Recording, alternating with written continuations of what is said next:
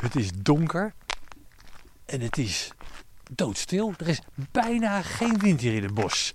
Clara Wilke van Gouders Landschap en Kastelen. Waar staan we nou precies? Wij staan eh, nu op de Dellen.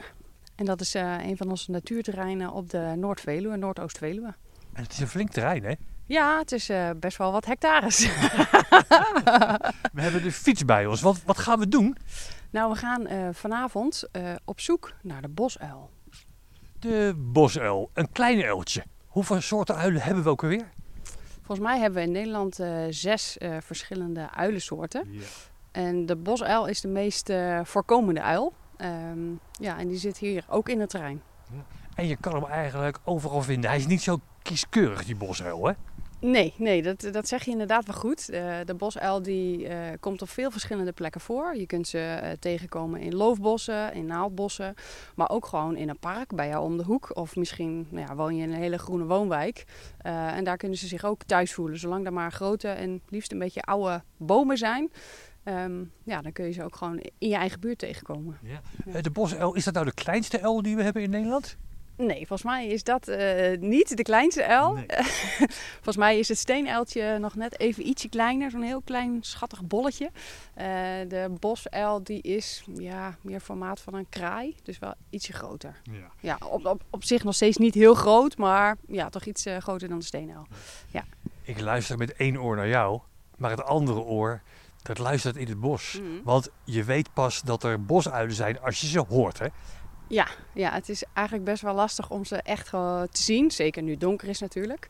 Eh, overdag zou het kunnen, maar dan moet je net een plekje weten te vinden waar ze, ja, waar ze rusten overdag.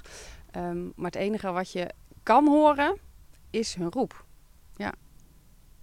Zullen we even oefenen? Hoe, hoe, hoe. Als je dat hoort, Dan moet het de bosuil zijn. kan niet anders. Ja. Ja. Waarom is de bosuil zo'n zo'n leuke uil? Ja, nou ja, de meeste mensen herkennen hem denk ik van de spannende scènes in de film. Als je de uil hoort, ja, dan is het eigenlijk 9 van de 10 keer eh, de bosuil. Dus het is het, het geluid, het is heel mysterieus. Eh, het, ja, het heeft altijd iets te maken met iets spannends. Ehm, en je ziet hem gewoon niet zoveel. Dus het is best wel een mysterieuze vogel. Je hoort hem wel, Ja. maar je ziet hem niet. En dat schrikt natuurlijk een beetje angst aan. Ja, nou ja, van vroeger uit waren ze toch ook wel een beetje bang voor eh, uilen. Dat waren inderdaad mysterieuze vogels en die hadden misschien wel wel iets kwaads in de zin. Ja, Wij gaan op zoek naar de bosuil. Gaan we dan op het gehoor zoeken? ja. Want ik kan ze niet zien, maar misschien kunnen we ze wel horen. En het is best wel heel erg stil, wat je net al zei. Dus met een beetje geluk eh, laten ze iets van zich horen vanavond. Even met twee oren luisteren. Nee. Ik hoor ze nog niet. Nee. De bosuil. Als je hem hoort, dan weet je dat hij er zit. Maar ja, hoe laat begint hij met eh krijsen? Nou, dat is iedere avond is dat anders.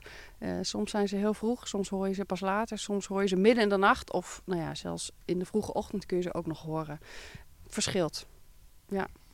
We trekken maar gewoon de donkerte in, het bos. Ik heb een broodkruimeltjes eh, bij me voor als ik je kwijtraak. Ja, je weet dat hier ook eh, zwijntjes en hertjes lopen, hè? Mm, je houdt ook Oh. wel van brood. Had ik toch kiezelsteentjes moeten meenemen. Nou, op wat!